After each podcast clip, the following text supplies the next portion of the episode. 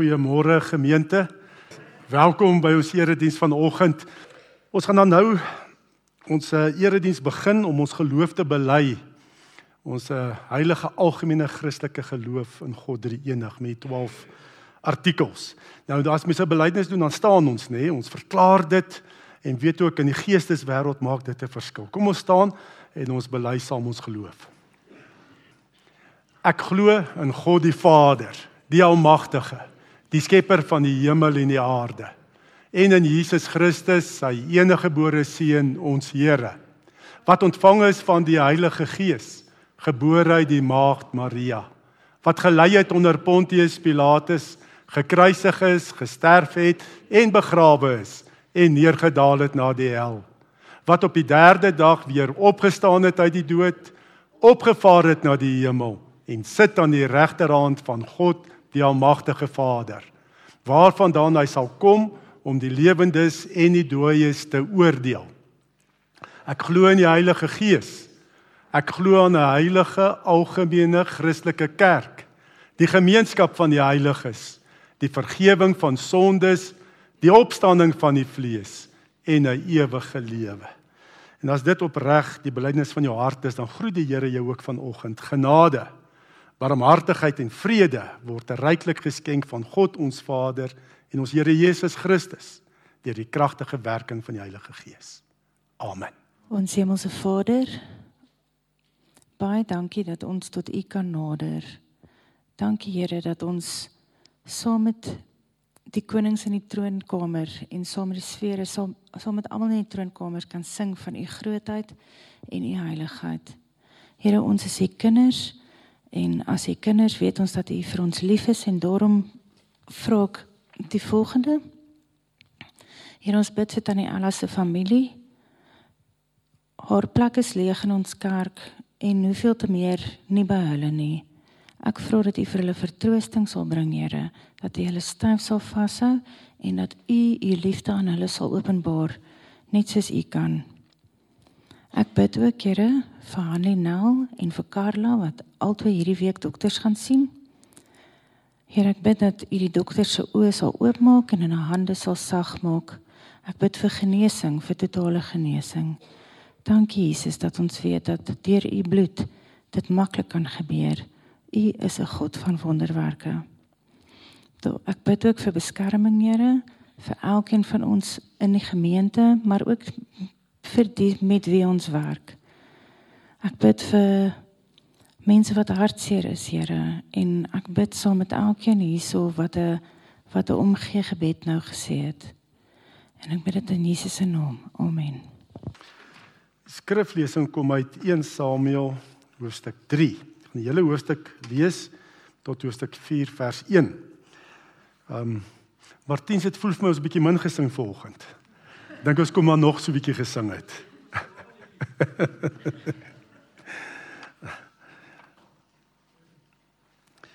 1 Samuel hoofstuk 3 vanaf vers 1. Nou uh laas Sondag het ons gekyk na 1 Samuel 2 waar Hanna die loflied gesing het tot die Here oor die uitkoms wat die Here gebring het. En nou is dit 1 Samuel 3 vanaf vers 1. Die seun Samuel het die Here gedien onder die toesig van Eli. Die woord van die Here is in daardie tyd min gehoor. Daar was nie dikwels openbarings nie. Eli se oë het al swak begin word, hy kon nie meer goed sien nie. Vroeg een môre het Eli nog op sy slaapplek gelê en die lamp van God het nog helder gebrand. Samuel het ook nog gelê in die tempel van die Here waar die ark van God was. En toe roep die Here na Samuel. Samuel het geantwoord: "Ek kom." Hy het na Eli toe gehardloop en gesê: "Hier is ek, want U het my geroep." Maar Eli sê: "Ek het nie geroep nie. Gaan lê maar weer." En Samuel het gaan lê Die Here het weer na Samuel geroep en hy het opgestaan, na Eli toe gegaan en gesê: "Hier is ek, want U het my geroep." Toe sê Eli: "My seun, ek het nie geroep nie, gaan lê maar weer." Maar Samuel het nog nie die Here geken nie, want die woord van die Here was nog nie voorheen aan hom geopenbaar nie. Die Here het Samuel toe 'n derde keer geroep en hy het opgestaan en na Eli toe gegaan en gesê: "Hier is ek, want U het my geroep." Toe besef Eli dat die Here die seun geroep het En Eli sê vir Samuel: gaan lê en as iemand jou weer roep, sê jy: "Praat, Here, u dienaar luister." Samuel het toe gegaan en op sy slaapplek gaan lê. Die Here het gekom en gaan staan en soos die vorige kere geroep: "Samuel, Samuel." En Samuel sê: "Praat, Here, u dienaar luister." Die Here sê toe vir Samuel: "Ek gaan 'n ding in Israel doen wat elkeen wat daarvan hoor se twee ore sal laat tyd. Op daardie dag sal ek vir Eli alles voltrek wat ek oor wat ek oor sy familie aangekondig het, van begin tot eind. Ek het aan hom bekend gemaak dat ek sy familie vir altyd gaan straf oor die ongeregtigheid waarvan hy geweet het. Ja, toe sy seuns die vloek oor hulle gebring het, het hy hulle nie bestraf nie. Daarom bevestig ek met 'n eed aangaande die familie van Eli. Die ongeregtigheid van Eli se familie sal sekerlik nooit deur diereoffers of graanoffers versoen word nie. En daarna het Samuel gaan lê tot die oggend en toe die deure van die huis van die Here oopgemaak. Hy was bang om die openbaring aan Eli te gaan vertel. Maar Eli het vir Samuel geroep en gesê: "Samuel, my seun." Hy het gesê: "Ek kom." En Eli sê toe: "Wat het die Here met jou gepraat? Moenie iets my wegsteek nie. God sal jou met die dood straf as jy iets van wat hy aan jou bekend gemaak het vir my wegsteek." Toe vertel Samuel hom alles. Hy het niks weggesteek nie. En Eli het gesê: "Hy is die Here, laat hom doen soos hy wil." Samuel het groot geword, die Here was by hom en die het nie een van Samuel se woorde onvervul gelaat nie. Die hele Israel van noord tot suid het gemerk dat Samuel betroubaar was as profeet van die Here. Die Here het toe weer in Silo verskyn, want hy het hom in Silo aan Samuel geopenbaar deur die woord van die Here. Samuel se woorde was aan die hele Israel gerig. Gaan fokus op vers 15 veral. Daarna het Samuel gaan lê tot die oggend en toe die deure van die huis van die Here oopgemaak. Hy was bang om die openbaring aan Eli te gaan vertel. Ek dink ons almal ken seker die uitdrukking nou pyn, nou gain, nê? Nee? Eers bietjie pyn deurgaan en dan kan jy verder groei. Dis hoe groei werk, nê? Nee? Dit gaan gewoonlik met pyn gepaard. Ons weet ook as ons 'n 'n spier wil bou, nê? Nee? Ehm um, John, wat doen jy as jy spier bou? Jy oefen, nê? Jy breek hy spier eintlik eers bietjie af, nê? Sodat hy kan herstel en groter kan word as hy herstel. Net nou pyn nou gaan. Dis hoe groei werk. Baie keer eers pyn deurgaan en dan kom jy groei later. En dit maar met Samuel ook gebeur en ons moet ook maar weet as kinders van die Here ook, nê, baie keer is daar pyn, maar dis reeds in ons pyn wat ons groei, nê, as daar 'n bietjie uitdagings is. 'n Mens groei nie gewoonlik in 'n gemakstoel nie, jy groei nee daar waar jy besig is om te werk en waar jy aan die gang is. As ons kyk na Samuel, hy was nie 'n ou met groot ambisie as mens nou eintlik lees nie. Hy was nie 'n strewer gewees nie. Hy wou maar net getrou sy werk as koster verrig van die tempel daar in Silo. Nee, hy wou onder net vir Eli luister en doen wat Eli sê en die ou priester wil hy maar net gedien het. Hy het nie na iets gestrewe want hy het ook geweet nê nee, hy kan nie eendag hoofpriester word nie nê. Nee, dit is Eli se seuns beskore. Nê nee, hy's nie in daai lyn nie daai geslagslyn nie. So hy het nie gestreef om hoofpriester te word nie. Maar dan wil hy maar net getrou sy werk doen as koster en na Eli luister. Maar toe gebeur daar iets. Hy het ontmoeting met die Here. En dit verander alles. Soos dit verander alles as jy ontmoeting met die Here het. Dit verander jou lewe Nee, hy ontmoet die Here en hy verander en dan lees ons hy word hierdie bekende profeet in Israel.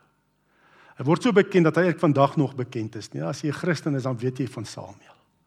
Nee, tot vandag, want hy het ontmoeting met die Here gehad. Van koster na bekende profeet. Maar hy het ook eers pyn deurgegaan. Nee, en God roep hom van koster na profeet, roep God om met 'n opdrag nê wat hy eerder wil vermy. Dat hy eerder nie wil doen nie. Dis wat hoe die Here met ons werk. As jy dinge in jou lewe is wat jy sê maar ek kan dit nie self doen en jy weet die Here is besig om te werk. As jy dit uit jou vlees net kan doen, ja, die Here gebruik dit ook. Net daai getrouheid gebruik hy ook om 'n koster te wees, oop en toe te sluit. maar die Here het 'n roeping vir elkeen van ons. Dit kan baie keer wees dat jy dit eerder sal wil vermy. Nee, ehm um, hy moet vir Eli vertel die straf wat die Here oor oor Eli en sy seuns gaan bring. Nee, en dit is God roep ons as sy getroue getuies. Nee, om uit ons gemaaksone te kom. Nee, elkeen van ons ook uit ons stoele opstaan. Want nêrens staan daar dat uh, die Here sê gee die opdrag dat die mense na ons toe moet kom nie. Wat is die opdrag? Die mense die Here sê vir ons ons moet gaan. Gaan dan en maak disippels. Uit ons gemaaksone kom. Uit die kerkbanke moet ons ons moet 'n gaande gemeente wees. Kom ons kyk wat, hoe is 'n persoon wat die Here roep? Mense sou gedink het ja, die Here sal eintlik vir Eli roep nê. Hy's al ouer. Hy ken die woord van die Here nê. Hy's ervare, hy's die hoofpriester. Maar die Here roep nie vir Eli nie. Hoekom? In vers 1 staan daar die woord van die Here is in daardie tyd min gehoor. Daar was nie dikwels openbarings nie. Nou kom die Here nie met Eli gepraat nie, wat die hoofpriester is, wat die eintlike ou is met wie die Here moes gepraat het. Dit is lees aan hoofstuk 2 1 Samuel 2 vers 29 en 31 So sê die Here: Waarom verag julle my diereoffers my graanoffers waarvoor ek voorskrifte in my woonplek gegee het? En waarom ag jy jou kinders belangriker as vir my, deurdat julle julle vet maak met die bestheid al die offers van my volk Israel? Die een wat my eer, sal ek eer en die een wat my minag, sal ek minag. Die Here praat met mense wat hom eer praat nie met mense wat hom minag nie. En ons weet nê, as jy lees hierdie hele geskiedenis wat Eli se twee seuns gedoen het, Hofni en Pinjas nê. Hulle het nie die voorskrifte oor die offerdiens nagekom nie. Hulle het sommer gaan vleis voordat dit gekook is, het hulle gaan sê nee, ons soek gaar vleis voordat die vet verbrand is. Hulle het by die vrouens wat diens gedoen het by die ehm um, tempel, die tabernakel nê, het hulle sommer geslaap ook. En dan was ou eh, ehm uh, um, Eli was banger vir sy seuns as vir die Here. Hy het hulle nie streng aangespreek toe hy agterkom wat hulle aanvang. Net so daar was nie eer vir die Here nie, maar minagting. Ja, geen eerbied vir die Here en sy diens nie. In vers 13 staan daar ook in uh, hoofstuk 3 vers 13 staan daar Ek het aan hom bekend gemaak dat ek sy familie vir altyd gaan straf oor die ongeregtigheid waarvan hy geweet het. Ja, toe sy seuns die vloek oor hulle gebring het, het hy hulle nie bestraf nie. Dis wat die Here vir Samuel vertel. So geen eerbied vir die Here nie, ook geen woord nie. Geen openbaring nie. Geen roeping nie. As jy nie eerbied vir die Here Uh en nou ons moet onsself ook maar ondersoek. En baie keer voel ons jy lees die Bybel maar die Bybel is vir jou dood. Hoekom is dit so? Hoekom ontvang jy nie 'n roeping van die Here nie? Hoekom dink jy net ander mense in die kerk kan jy sien die Here roep hulle en gebruik hulle? Ons moet onsself maar ondersoek. Nee, net begin oor wat gaan my hart aan? Wat is my hartsgesindheid? Wat is in 'n en ek dit is dit is wonderlik nee, om te kom na die erediens. En dit is 'n wonderlik en ons moet dit doen. Dis belangrik. Maar wat is jou motivering om te kom na die erediens? Is dit uit eerbied vir die Here? Net dat jy regtig sê Here, ek wil van U hoor. En hy sê ook in die woord, die samekoms van die gemeente moet ek nie agterweë laat nie. Ek kom want ek soek U met my hele hart. Dors na U. Is dit jou gesindheid? Kom jy berei jy jouself voor as jy kom na die erediens? Net deur die Here te bid die oggend en regtig voor die Here stil te raak en sê Here, praat met my vanoggend tydens die erediens. Want dit help nie ons kom maar net na die erediens uit tradisie nie, omdat ons weet dis die regte ding om te doen nie. Omdat ons weet ons ons voorouers het gedoen en ek sit nou nou met daai tradisie voort nie. Nee, ek kom ek soek na die Here. Eerbied vir die Here. En eintlik wat 'n goeie ding is, ek onthou waar ek groot geword het in Brits in daai tyd, net dit was tot jou voordeel gewees as jy deel is van 'n kerk. Kyk as jy wil hê jou besigheid, net mense moet by jou kom koop, net jy kan sê jy's 'n ouderling van die kerk, net dan het dit gehelp. Vandag weet ons is dit nie meer so nie. En ehm um, ek ek preek dalk nou vir die bekeerdes. Net dis koud om op te staan en te kom. Nee, maar hoekom is ek deel van 'n gemeente? Hoekom? Wat vir my eintlik swaar en hartseer is en ek's ook bly tog die mense kom, maar maar mense kontak my en vra kan hulle ons kerkgebou gebruik en kan ek iemand geliefde begrawe? Vra ek is jy in 'n kerk? Sê nee, is glad nie 'n kerk nie. Maar hoekom wil jy dan in 'n kerk begrawe?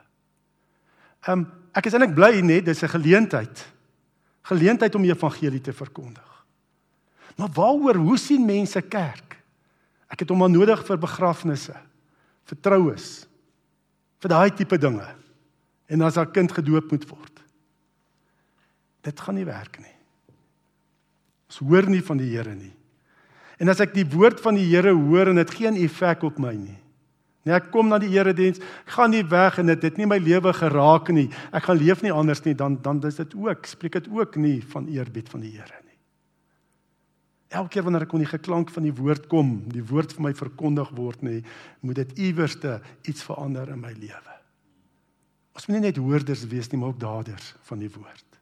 Ons moet uitgaan en 'n verskil maak. Dan sal die Bybel nie dood wees nie. Dit sal die Here met jou praat. Want Samuel, hy het eerbied vir die Here gehad. Nee, en hy was waardig gewees om 'n roeping te ontvang. Want hy het eerbied vir die Here gehad. En ons sien daai eerbied uit daai getrouheid hoe hy die Here gedien het. Nee, hy was getrou gewees. Ons lees daarvan in hoofstuk 2 vers 11 en 18 daarna het Elkana na sy huis toe gegaan in Rama terwyl die seun Samuel die Here bly dien het onder toesig van die priester Eli. En dan ook vers 18 maar Samuel het die Here gedien as 'n seun het Samuel al 'n linne skouerkleed gedra. Hy het die Here gedien getrou en was getrou gewees. Het eerbied vir die Here gehad. En vandag ook moet jy weet die Here praat nie net met 'n predikant of 'n pastoor of ouderling, diakens of evangeliste of so nie. Nee, hierso in Samuel net, die eintlik die onwaardige was die waardige om die woord van die Here te ontvang.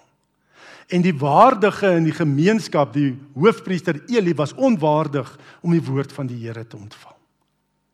En daarom daar is die werkloosheid in God se koninkryk nie. Dit gaan aan wat gaan in jou hart aan. Van die Here wil met jou praat. Hy wil sy woord aan jou openbaar. Hy het 'n roeping vir jou lewe. Jy's nie per ongeluk hier nie. Hy het 'n plan en doel met jou lewe. 'n Spesifieke taak en funksie in sy liggaam. Nê? Nee, as ek uit eerbied vir Here getrou dien, dan praat die Here met my. En hy wil hê dat jy sy getuie moet wees. Ja, en die Here wil nie hê jy moet 'n getuie wees soos wat ek sy getuie is of soos wat die persoon langs jou sy getuie nie. Hy het aan ons elkeen spesifieke take en roeping en en en, en gawes gegee. En op jou spesifieke manier wil die Here jou gebruik.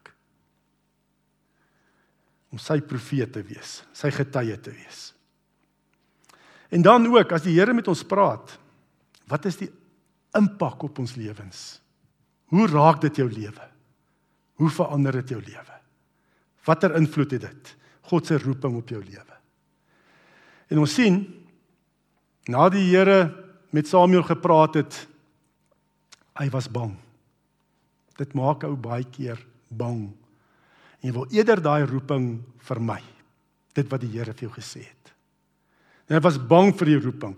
Dink maar net die hierdie jong seun Samuel nê, ehm um, daai sielswroging wat hy moes deurgaan, nê? Hy het maar nou maar verder toe maar gaan lê op sy bed. Nee, hy hy seker by homself gedink, hoe kan hy met met Eli praat nie? Eli is vir hom soos 'n vader. Eli is die is die hoofpriester. Hoe kan hy nou vir Eli gaan sê die oordeel van die Here oor Eli en sy seuns? Dit was 'n roeping wat hy eerder wat hom bang gemaak het en wat hy eerder sou wou vermy het. Nê? Nee? En daarom hy was bang. En dink maar net ook as jy ander voorbeelde vat uit die Bybel, Bybelse figure, hoe bang was hulle en hoe het hulle die roeping hulle eers weggestoot? Dink aan Moses. toe die Here hom geroep het daar waar hy skape opgepas het, nê. Nee, wat het hy vir die Here gesê? Nee, nee, ek kan nie praat nie. Hulle gaan nie na my luister nie. Allerhande verskonings. Ons lees ook in ehm um, selfs vir die profeet Jeremia, toe die Here vir Jeremia roep, toe sê hy ook: "Ag Here my God, ek kan nie goed praat nie. Ek is nog te jonk." Dis baie keer wat ons sê, "Nee Here, ek kan nie."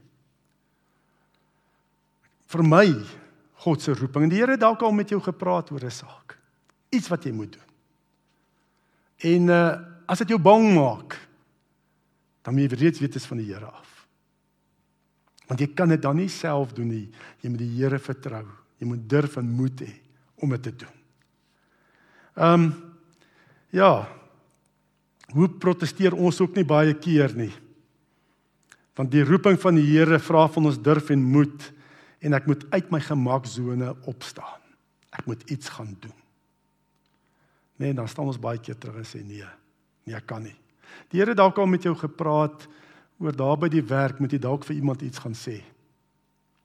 Maar jy's te bang. Jy moet hom gaan waarsku dalk of vir haar gaan waarsku. Of vir 'n persoon gaan bid by die werk. Sê die Here druk jou op my hart. Ek wil vir jou bid.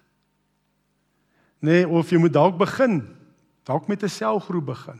'n Gebedsgroep by die werk. Selgroep in die gemeente. Ons kan aangaan. Nee, ehm um, dalk met 'n bediening in die gemeente moet jy begin. Maar jy's te bang. Dink nee, ander mense kan, jy kan nie. Die Here dalk met jou al gepraat. Ek onthou toe eh, ek vat nou maar die oorwinnaarsbediening. Die begin met die oorwinnaarsbediening ons ons 'n naweek aangebied het. Want ons uitgery daar aan die kant Bronkhorstspruit. Om saai het my gesê, "Hoekom bring ek julle hier na die hoekom bring ek almal hier na die bos toe om die oorwinnaars te doen?" Want ek was te bang geweest om dit eers hier aan te bied in die kerk. En later in die by die kerk gebou. Later is dit by Maritjie en Willie Volskenk. Ons het bietjie nader gebring, nê? Nee, die oorwinnaars naweke. Frans, was julle daar in Bronkhorstspruit geweest? By Maritjie, nê? Nee, tot dit daar aangebied. Ja, Melanda was ook daar saam met ons. Martiens, julle was ook, nee, jy en Hanlie was ook saam met ons bronkhorspruit toe gewees 'n paar keer. Van mense het gesê dis dit is vreemd. Hierdie goeters, nee. En van Maritjie se huis af het ons dit die Here ons gelei om dit hier aan te bied. Maar dis hoe dit werk, nee, die Here se roeping maak 'n mens baie keer bang, want jy moet uit jou gemaaksone opstaan en jy moet gaan doen en nuwe dinge doen. En jy moet die Here vertrou, slegs hy kan dit doen. En uh en wat gebeur baie keer as ons bang raak? Ons ontvlug. Ons ontvlug in godsdienstige handelinge, né? Nee, dis mos wat uh Samuel ook gedoen het. Wat hy gaan doen? Hy het vroeg opgestaan en hy het weer die, vir die vroeë kerkgangers die deure gaan oopmaak van die tempel, né? Nee. Dis wat hy gaan sê. Hy gaan aan met sy godsdienstige handelinge. Hy sê sy gewete want hy doen die regte ding. Nê? Nee? Ehm um, ja, en toe die deure van die huis van die Here oopgemaak, hy was bang. Nê? Nee? So kan ons baie keer dit wat die Here eintlik in en deur jou wil doen, nê, nee? ontvlug ek en ek gaan doen ander godsdienstige handelinge wat almal gewoond is, nê. Nee? Ek sis my gewete, ek kom ons kerk toe, ek ondersteun mense wat dinge doen in die koninkryk. Maar die Here wil vir jou gebruik maar jy staan terug en jy hou aan net met die godsdienstige handelinge. Daaglikse roetine. Nê? Nee, in die nag roep die Here vir Samuel tot 'n profeet. Die volgende oggend hy maar weer net 'n koster. Sy eintlike roeping is 'n profeet. En hy val net terug na sy aanpas koster. En dan ja, terwyl hy druk besig is om sy godsdienstige oefening uit te voer, is hy eintlik besig om sy diens aan God uit te stel. En ons gebruik baie keer godsdienstige handelinge om ons te sis, ons gewete te sis en die eintlike roeping wat die Here op my lewe het te ontduik. Ons kan baie keer die kerk ook gebruik as 'n skip van Jona. Dis mos wat met Jona ook gebeur het, nê. Hy klim op 'n skip na Tarsus terwyl hy eintlik Ninive toe moes gaan. En so kan ons ook godsdienstigheid godsdienstige handelinge en die kerk gebruik as 'n skip om na Tarsus toe te gaan. Nee, ek betaal mos. Ek ek gee my kerklike bydrae, nê, sodat evangelisasie gedoen kan word. Maar die Here wil vir jou gebruik waar hy jou geplaas het met die verhoudings wat jy het om sout en lig vir die wêreld te wees. Nee, ek ek gee my ek gee my geld dat mense dit kan doen. Maar die Here wil jou gebruik. Natuurlik om kerklike bydraes nie verkeerd nie. Maar moenie dit gebruik om jou eintlike roeping te ontduik nie. Ehm um, ja, ook as ek na die erediens kom en ek hoor die woord, maar dit geen effek op my lewe nie, dis maar dieselfde. Nee, ek het mos ek was mos hier gewees, so ek is nou reg vir 'n week. Maar verander dit my lewe. En ehm um, dis wat die Here sê, prioritiseer. Wat is die Here se eerste prioriteit in jou lewe? Jesus sê ook in Matteus 5 vers 23 en 24, hy sê dis jou gawe na die altaar toe bring. En dit jou daar byval dat jou broer iets teen jou het, dat staan jou gawe daar by die altaar en gaan maak eers vrede met jou broer en kom dan en bring jou gawe. Die Here het dalk al met jou gepraat, gaan maak eers iets reg. Nee, maak reg met jou huweliksmaat. Maak reg met jou kind. Maak reg met iemand. Maar jy ontduik dit en jy gaan net aan stilte tyd en kerk toe en alles, ek doen mos die regte ding. Maar dit wat die Here met jou gepraat het, vermy jy. Wat baie keer die swaar is en wat jy hom moet vertrou.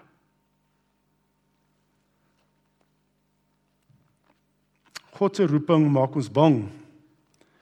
Want jy moet uit jou gemaaksone beweeg en dinge doen wat onbekend en nuut is baie keer en wat net hy dit kan laat slaag. Dis deur sy krag alleen. Waar kry ons die krag om God se roeping in jou lewe te uit te voer? Waar kry jy die krag? Ek dink ons moet kyk na Jesus. Dink net as Jesus gesê het nee wat ek is onthou Jesus nê nee, die seun van God is net soveel God as die Vader. Die Vader het ook 'n roeping vir hom gegee om mens te word. Wat dink as Jesus gesê het ek het mense nie nodig nie, ek is God. Ek bly in die hemel. Dis lekker hier. Maar Jesus was getrou aan die roeping van sy Vader. En hy het sy hemelse woning, woonplekke verlaat waar alles volmaak en reg net lekker is. En hy het 'n mens geword. Hy's net soveel God as die Vader. Hy's getrou gewees aan die Vader se roeping en hy het aarde toe uit 'n mens geword en hy het al ons sondes op hom geneem. En dit was so swaar vir hom daan Getsemane het sy sweetdruppels soos bloeddruppels geword wat op die grond val. En het hom ook bang gemaak. Nê? Nee, dan Getsemane sien ons vir al daai lyding, daai geestelike lyding wat Jesus moes deurgaan. Maar hy het volhard, nie my wil nie, maar u wil. Het hy gesê, Vader. Drie keer het gebid. Hy het al die wêreld se sondes op hom geneem en hy het gesterf aan die kruis en hy het gesê dit is volbring. Hy het gedra. En ons weet ook dat Jesus, nê, nee, het dit ook gedoen met die krag van die Heilige Gees. Want voordat hy amptelik begin het met sy werk as Messias, was hy mos eers gedoop en die stem Vader sê dis my geliefde seun en die duif ag die die Heilige Gees het in gestalte van 'n duif op hom gekom en hom die woestyn ingelei om deur Satan versoek te word. Deur die krag van die Gees het hy sy werk as Messias gedoen. En hy het al die mag in die hemel ontvang en hy stuur ons ook uit vanuit die hemel. Kort voor sy hemelvaart hy gesê: "Maar julle sal krag ontvang wanneer die Heilige Gees oor julle kom." en julle sal my getuies wees in Jerusalem sowel as in die hele Judea en Samaria en tot in die uithoeke van die wêreld. Dis met die krag van die Gees.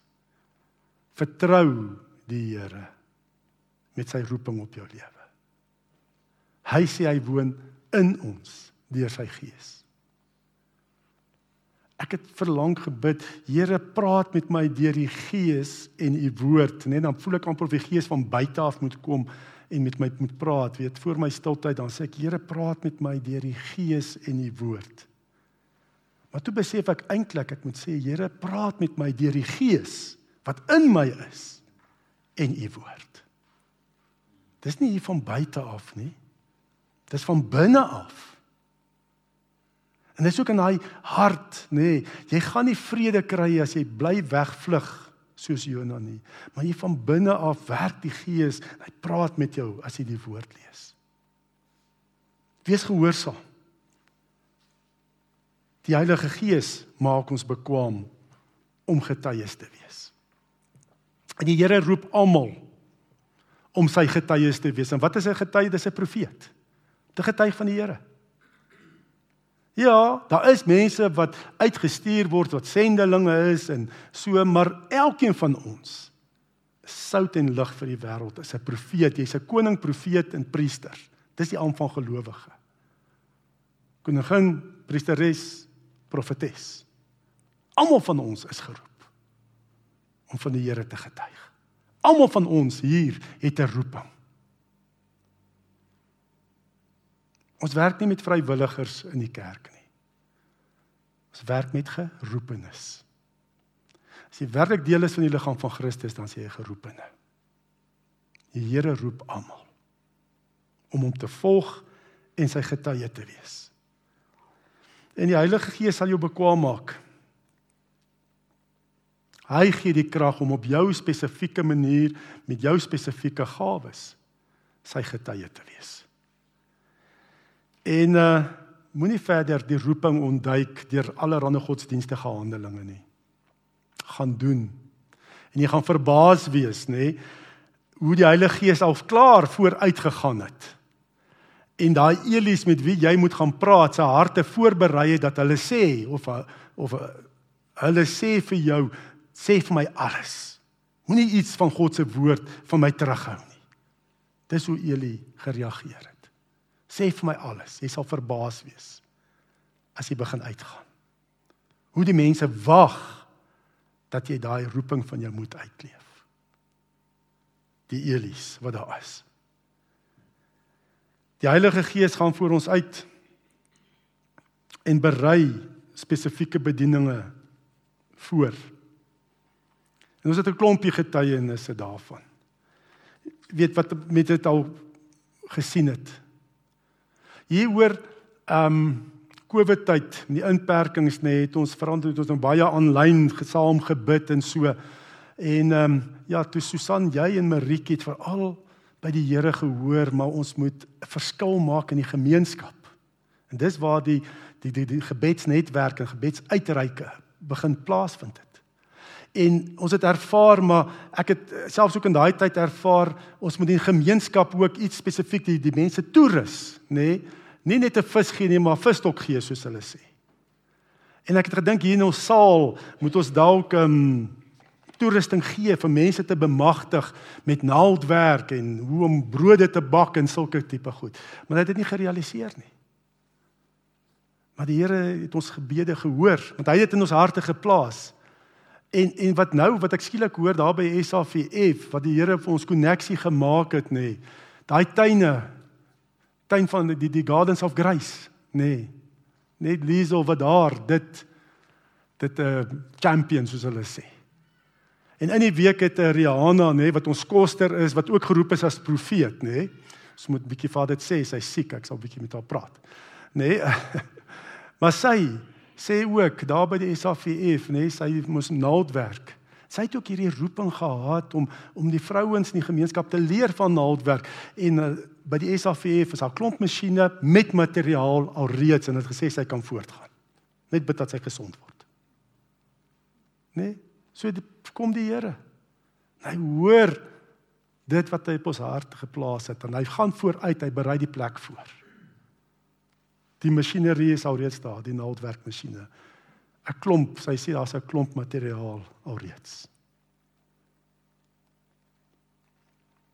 En ehm um, Tracy, wie die Here het jou geroep net vir berading om mense in nood regtig by te staan. Um, om hulle los te maak, net die waarheid te bring dat hulle kan vry wees in Christus. Maar as dinge wat jy moet regmaak. Dinge met die Here wat jy moet regmaak. En dan gaan dit vorentoe. Gaan net vorentoe. Gaan meer doen as wat jy kan bid of dink. En ek het voel dieselfde ook Martiens vir jou ook. Nuwe seisoen. En jy's baie onseker. Baie keer onseker. Maar die Here het jou losgemaak nê nee, dat jy voltyds kan doen jou passie. En hy het jou ook 'n wonderlike gawe gegee om ook daai daai talent oor te dra. Ander mense oor te dra. Maar vertrou hom, hy sal voorsien meer as wat jy kan bid of dink. Kom ons bid saam. Here, dankie Here dat U elkeen van ons hier wat hier is geroep het, Here. Ons is nie lidmate van 'n kerk nie, ons is ledemate van u liggaam wat u hier by Bergbron geplaas het. U het aan ons elkeen 'n verskillende taak en roeping gegee en vir ons verskillende gawes gegee om dit uit te leef. En ek bid ook Here Heilige Gees kom berei ons harte voor. Berei ons harte voor dat ons absoluut eer en respek vir U sal hê. Dat ons nie net hoorders van die woord sal wees nie, maar ook daders. Dat as U met ons praat, Here, ons nie ons gewete sal sis met allerlei godsdienstige handelinge nie, dat ons sal gaan doen dit wat U vir ons gewys het. Dat ons in die geloof sal opstaan, U sal vertrou en sal uitgaan. En Here, lei elkeen van ons. Gebruik ons in u koninkryk tot eer van u naam. Amen. En ek vra dit in in Jesus se kosbare naam. En ons maak ons harte nou ook oop om die seën van die Here te ontvang. Die genade van ons Here Jesus Christus en die liefde van God die Vader en die gemeenskap van die Heilige Gees sal by ons elkeen wees en bly. Amen.